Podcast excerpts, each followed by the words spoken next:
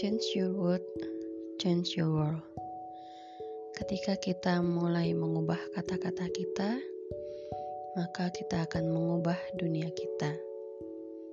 Contohnya, ah yang sering keluar dari mulut kita.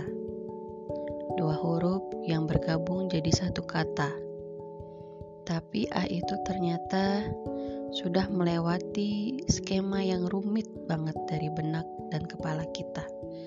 sampai dia keluar dari mulut kita. Ah, yang kayak gini sih receh banget buat gue. Ah, itu kan kebenaran aja dia berhasil, dia sukses. Ah, kayaknya nggak mungkin deh. Si A ini, percaya atau enggak, menjauhkan kita dari berkah.